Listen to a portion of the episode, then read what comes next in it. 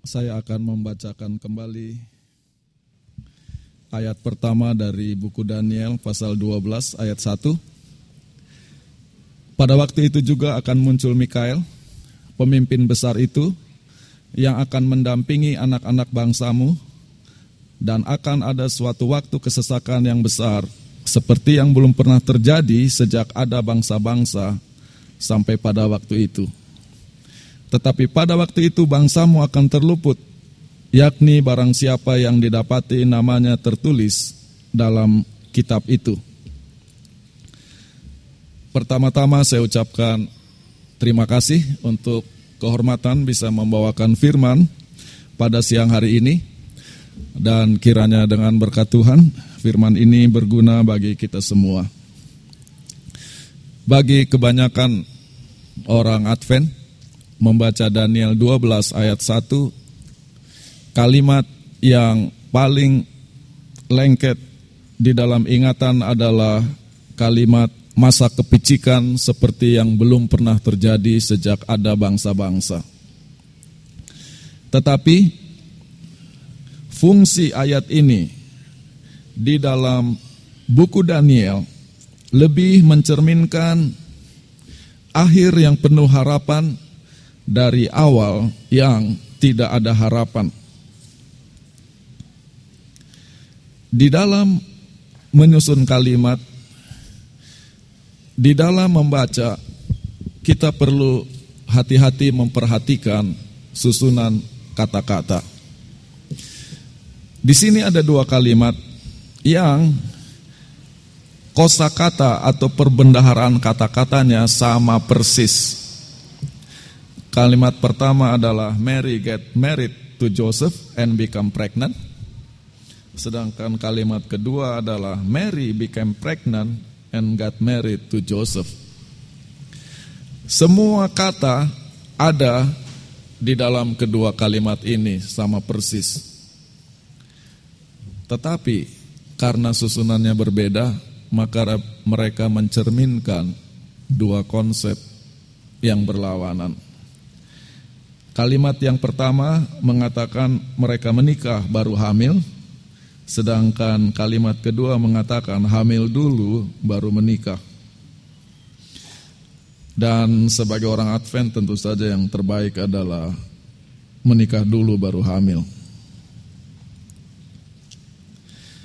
Kalau kita bandingkan, oh, maka prinsip membaca susunan kata-kata harus kita praktekkan di dalam membaca Alkitab. Kalau kita, kalau tidak kita bisa kehilangan penekanan. Kalau kita perhatikan pembukaan dan penutupan buku Daniel. Daniel 1 ayat yang uh, pasal yang pendek. Daniel 12 adalah pasal yang paling pendek. Daniel 2 adalah pasal yang paling panjang, sedangkan Daniel 11 adalah pasal kedua paling panjang. Menunjukkan ada ikatan di antara pembukaan dan penutupan buku Daniel.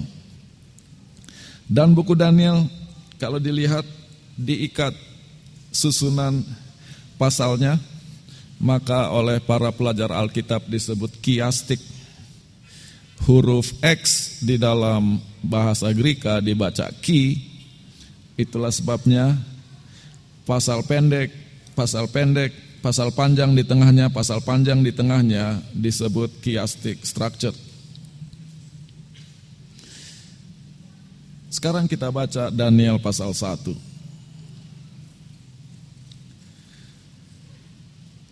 Pada tahun ketiga dari pemerintahan Yoyakim Raja Yehuda, Nebukadnezar Raja Babylon datang ke Yerusalem dan mengepung kota itu. Tuhan memberikan Yoyakim Raja Yehuda ke dalam tangannya bersama-sama dengan perkakas rumah Tuhan dan dia membawa mereka ke tanah Sinear ke kuil Allahnya dan dia membawa perkakas itu ke dalam rumah perbendaharaan Allahnya. Dan raja memberi perintah kepada Aspenas, kepala pejabat-pejabatnya untuk membawa sebagian anak-anak Israel. Kalau kita membaca pembukaan buku Daniel, maka inilah yang kita dapati sebagai struktur buku Daniel. Buku Daniel dibuka dengan cerita berakhirnya eksistensi satu bangsa, yaitu bangsa Yehuda. Kehancuran bangsa Yehuda. Buku Daniel ditutup dengan berakhirnya sejarah dunia, hancurnya dunia.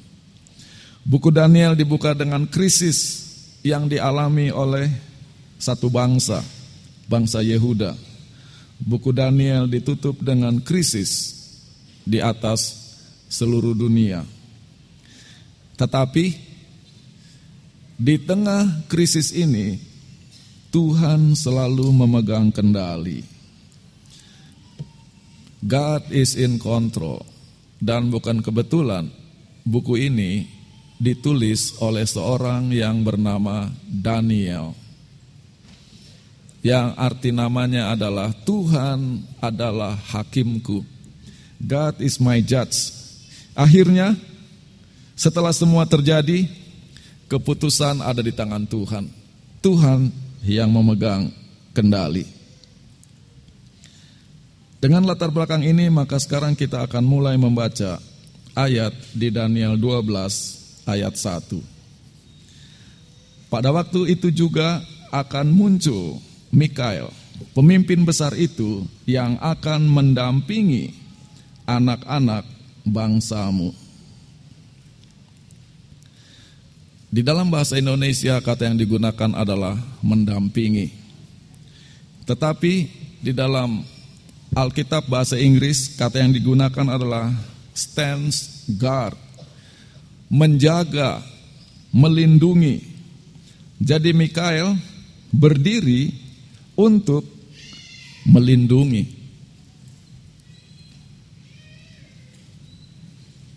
Bukanlah satu kebetulan bahwa di penutupan buku Daniel, Mikael berdiri.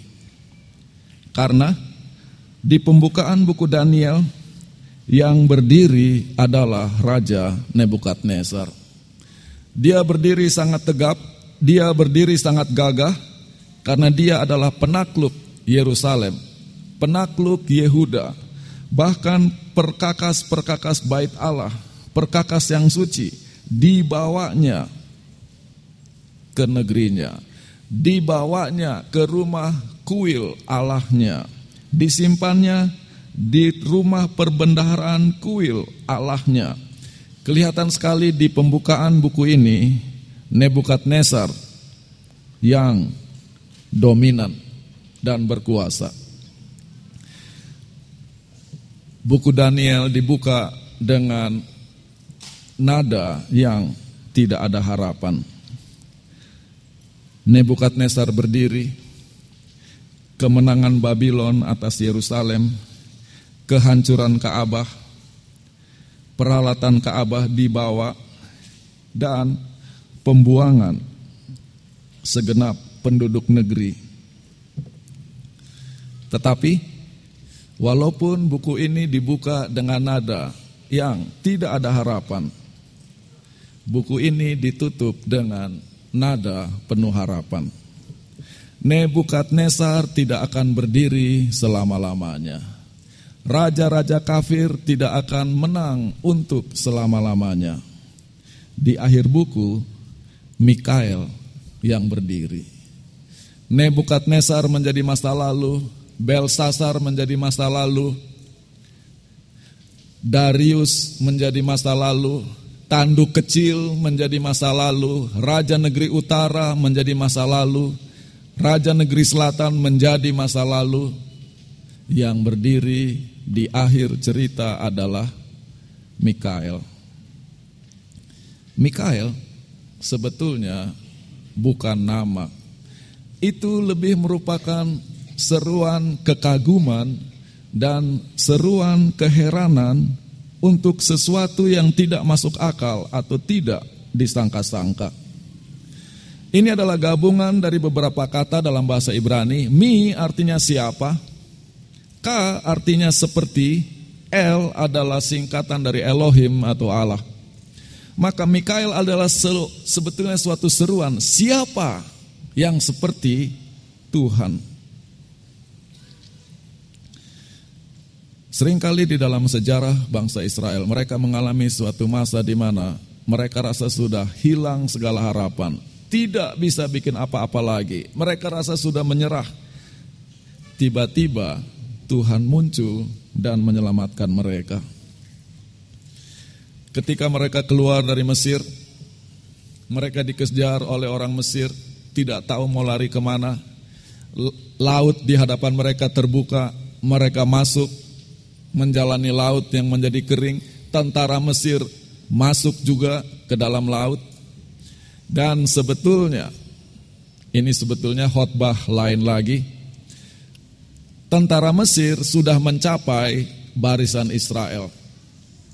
Tetapi dikatakan tiang awan yang tadinya tiang api yang tadinya menuntun orang Israel di depan bergerak ke belakang dan berdiri di antara barisan Israel dan barisan Mesir.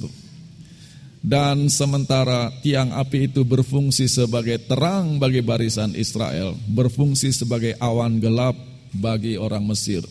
Dan sepanjang malam orang Mesir berusaha menerobos awan gelap itu tidak bisa. Sampai menjelang pagi, seluruh orang Israel keluar dari laut dan laut tertutup. Melihat pengalaman yang sangat ajaib ini, maka Orang Israel berseru, siapa yang seperti engkau di antara para Allah ya Tuhan? Siapa yang seperti engkau? Mulia karena kekudusanmu, menakutkan karena perbuatanmu yang masyur. Engkau pembuat keajaiban. Itulah konsep Mikael. Siapa yang seperti Tuhan? Buku Mika dibuka dengan daftar dosa orang Israel yang sangat panjang dari pasal ke pasal, dari pasal ke pasal dan kalau mendengarkan Mika berkhotbah sepertinya orang Israel tidak punya harapan lagi untuk keselamatan. Tetapi di akhir bukunya Mika menggunakan namanya menjadi konsep di dalam buku. Mika adalah singkatan dari Mikaya Who is like Yahweh? Siapa seperti Yehova? Maka dia katakan, siapa Allah seperti engkau yang mengampuni dosa, yang memaafkan pelanggaran dari sisa-sisa miliknya sendiri, yang tidak bertahan dalam murkanya. Ajaib sekali kalau akhirnya dengan dosa yang begitu besar, Israel bisa diampuni. Siapa seperti Tuhan maka bukan kebetulan di dalam penutupan buku Daniel, Mikael yang berdiri. Karena kalau kita perhatikan keadaan politik dunia di akhir zaman, tidak mungkin bagi umat Tuhan bisa bertahan. Itu adalah masa kepicikan yang begitu besar seperti belum pernah terjadi. Dan umat Tuhan tidak tahu berbuat apa-apa yang berdiri adalah dia yang selalu membuat keajaiban kelepasan di dalam sejarah Israel. Kenapa Mikael harus berdiri? Apa dia pegel karena terlalu lama duduk?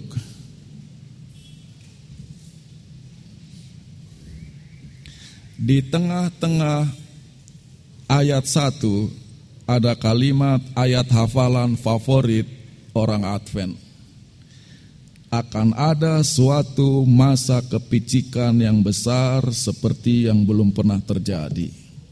Dan bagi banyak orang Advent mereka lebih merindukan kedatangan peristiwa ini daripada merindukan kedatangan Tuhan yang kedua kali. Mereka lebih memperhatikan kapan datangnya peristiwa ini daripada memperhatikan kapan Tuhan akan datang dan menyelamatkan kita. Dan itu adalah nubuatan sesat, doktrin sesat, tetapi kita sangat senang menikmatinya dan hafal-hafal terus.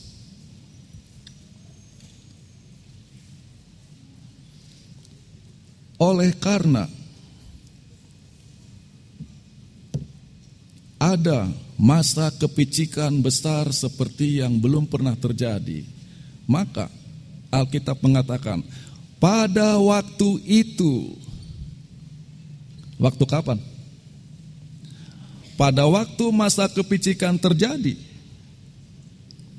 apa yang terjadi? Mikael bangkit berdiri. Pada waktu itu Mikael bangkit berdiri. Kenapa? Karena waktu itu adalah waktu kepicikan besar.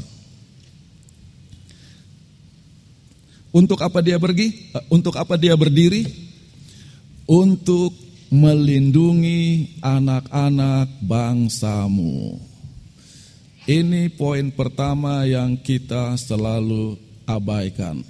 Kita tidak ditinggalkan sendirian menjalani masa kepicikan besar. Kita menjalani masa kepicikan didampingi, dilindungi oleh Mikael, panglima besar itu. Tetapi poin ini jarang dihotbahkan supaya anggota takut dan karena takut mereka lebih rajin masuk gereja. Dan karena takut mereka lebih rajin bayar perpuluhan. Ketakutan bukanlah motif yang baik untuk masuk sorga. Karena kalau sudah tidak takut lagi, mereka akan kembali berdosa lagi. Kita tidak menjalani masa kepicikan sendirian. Kita menjalani masa kepicikan didampingi. Bukan hanya itu, kalimatnya belum selesai. Daniel 12 ayat 1 terdiri dari tiga poin penting. Dan pada waktu itu, kembali diulangi di bagian terakhir dari ayat itu, waktu kapan? Waktu masa kepicikan. Bangsamu akan dilepaskan. Jadi kalau kita baca Daniel 12 ayat 1 ini adalah ayat yang paling indah di Alkitab. Ada tiga poin. Sebelum masa kepicikan mulai, Tuhan berdiri untuk mendampingi dan berjalan bersama-sama. Dan setelah itu, lolos. Pada waktu itu bangsamu akan terluput. Kita menjalani, dilindungi, dan kita akan lolos. Kenapa takut dengan masa kepicikan? Itulah sebabnya banyak orang salah hafal, salah menekankan di dalam membaca Daniel 12 ayat 1, hidup mereka sudah penuh kepicikan sebelum masa kepicikan tiba. Dan karena kita picik, jadi kita suka ribut satu sama lain.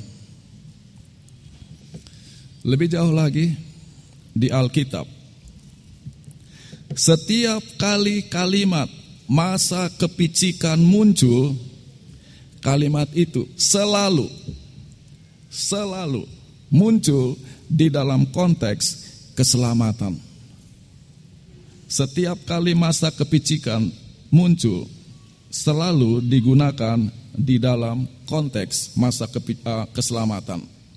Yesaya 33 ayat 2. Tuhan, kasihanilah kami, Engkau kami nanti-nantikan. Lindungilah kami setiap pagi dengan tanganmu, ya. Selamatkanlah kami di waktu kesesakan. In the time of trouble. You are, kalau di dalam Alkitab Bahasa Indonesia itu permohonan, selamatkanlah kami. Tapi kalau saudara baca di dalam Alkitab Bahasa Inggris, itu bukan permohonan, itu adalah statement pernyataan. You are our salvation in the time of trouble. Engkau adalah keselamatan kami di masa kepicikan. Mazmur 37 ayat 39 dan 40. Orang-orang benar diselamatkan oleh Tuhan. Kenapa? Ia adalah tempat perlindungan mereka pada waktu kesesakan.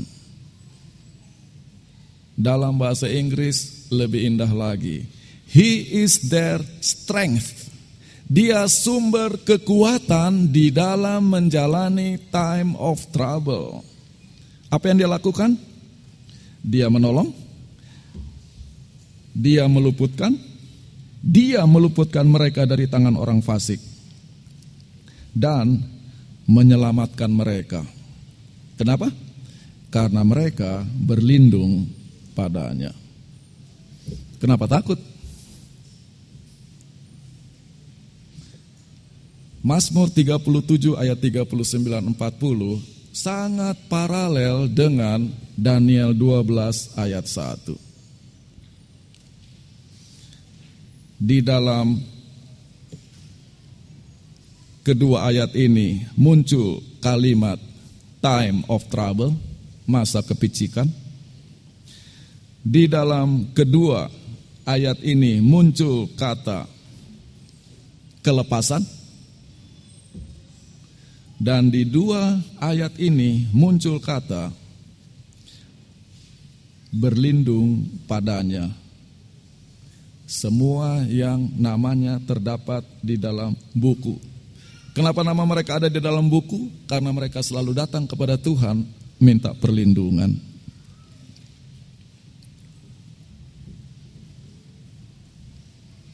Yeremia 14 ayat 8. Ya pengharapan Israel, penolongnya di waktu kesusahan. Bahasa Inggrisnya lebih manis lagi, bukan penolong, bukan helper, savior. Oh, hope of Israel, it's savior in the time of trouble. Engkau juru selamatnya di masa kepicikan. Ada satu ayat yang sepintas tidak ada hubungan antara kelepasan dengan masa kepicikan. Ayat itu ada di Yeremia 15 ayat 11. Sungguh ya Tuhan, engkau aku telah melayani engkau dengan sebaik-baiknya dan telah membela musuh di depanmu pada masa kecelakaannya dan kesesakannya. Membaca ayat ini agak aneh Yeremia mengaku bahwa dia membela musuh di hadapan Tuhan pada masa kecelakaannya dan masa kesesakannya. Untuk apa musuh dibela-bela? Tetapi kalau kita baca ayat ini di dalam bahasa Inggris, isi tema pikiran yang mau disampaikan berbeda. Bukan sungguh ya Tuhan, tetapi Tuhan berfirman. Jadi ini kata-kata Tuhan. Sementara sepintas dalam bahasa Indonesia seolah-olah ini adalah kata-kata Yeremia. Sesungguhnya firman Tuhan, aku akan melepaskan engkau untuk tujuan-tujuan yang baik. Sesungguhnya aku akan membuat musuh-musuhmu untuk berdoa bagimu di masa kehancuran dan di masa kepicikan. Ayat ini adalah janji yang sangat ajaib di mana Tuhan akan membuat musuh-musuh yang kita takuti gantinya mencelakakan kita, mereka justru akan berdoa bagi kita di masa kepicikan dan di masa kecelakaan. Dan sekarang kita datang kepada ayat yang paling terkenal Yeremia 30 ayat 7. Hai alangkah hebatnya hari itu, tidak ada taranya. Itulah waktu kepicikan bagi Yakub, tetapi ia akan diselamatkan daripadanya. Kita hafal sekali kan masa kepicikan Yakub, masa kepicikan Yakub. Dari mana konsep itu? Yeremia 30 ayat 7. Salahnya kita cuma hafal kalimat masa kepicikan Yakub. Kita tidak baca ayatnya sampai selesai. Alangkah hebatnya hari itu, tidak ada taranya. Kenapa tidak ada taranya? Bukan kepicikannya yang tidak ada taranya, tetapi itulah masa kepicikan, tetapi ia akan diselamatkan daripadanya. Yang ajaib bukan masa kepicikannya, yang ajaib adalah keluputan yang Tuhan lakukan di masa kepicikan. Maaf, saya sedang merusak doktrin kesayangan saudara. Dan kita bisa membandingkan Yeremia 30 ayat 7 dengan Daniel 12 ayat 1. Akan ada masa kepicikan seperti yang belum pernah terjadi Daniel 12 ayat 1. Alangkah hebatnya hari itu tidak ada taranya masa kepicikan Yakub. Tetapi pada waktu itu bangsamu semua yang namanya terdapat di dalam buku akan dilepaskan. Tetapi ia akan diselamatkan daripadanya. Masa kepicikan adalah masa paling ajaib ketika Tuhan menyelamatkan umatnya di saat mereka merasa sangat tidak mungkin. Kenapa Yeremia bicara tentang masa kepicikan bagi Yakub seperti yang tidak ada taranya?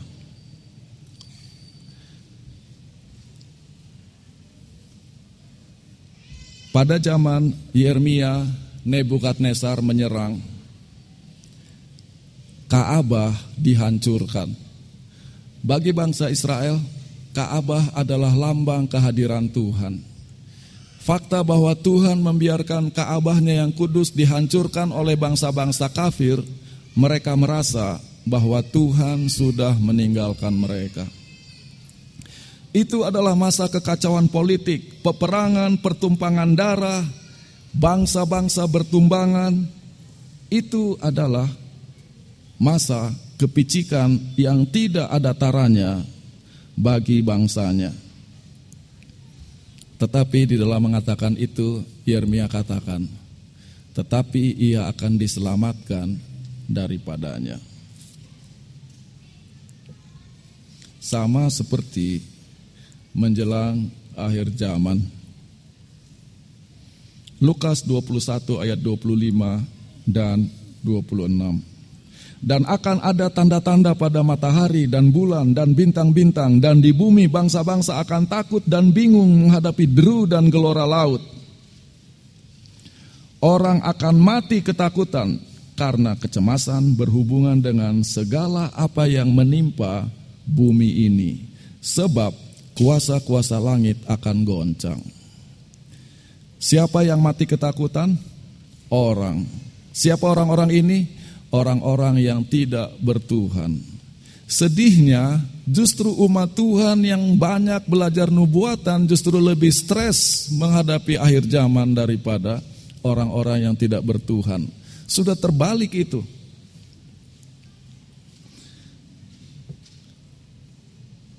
Konsep Tuhan menyertai umatnya di masa kepicikan bukanlah konsep baru. Kita lihat tadi sudah dicerminkan di dalam pengalaman keluarnya orang Israel dari Mesir. Konsep yang sama disampaikan di Mazmur 23.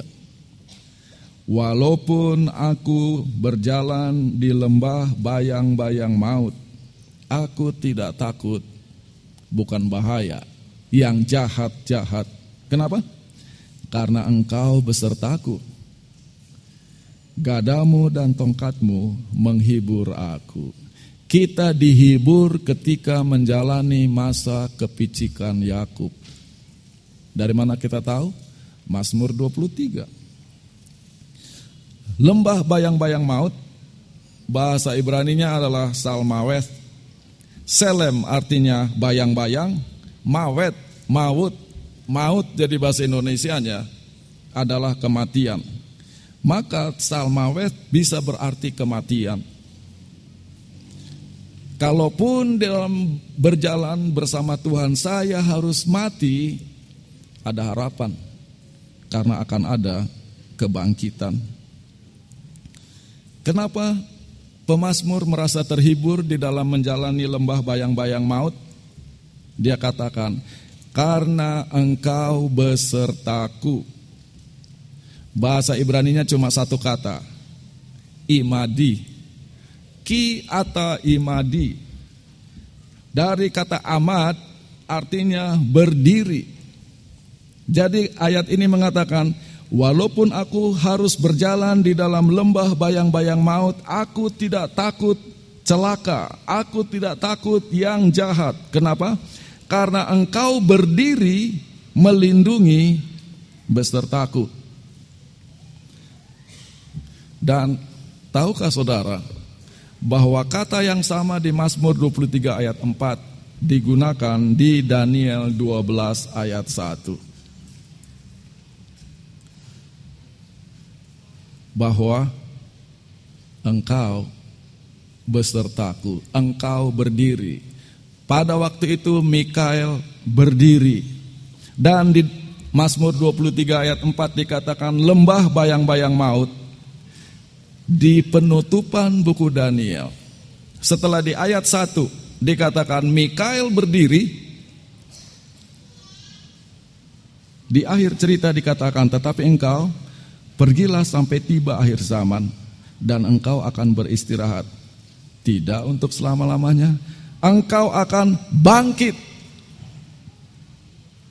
Kata yang saya selalu bangkit berdiri untuk mendapat bagianmu pada kesudahan zaman.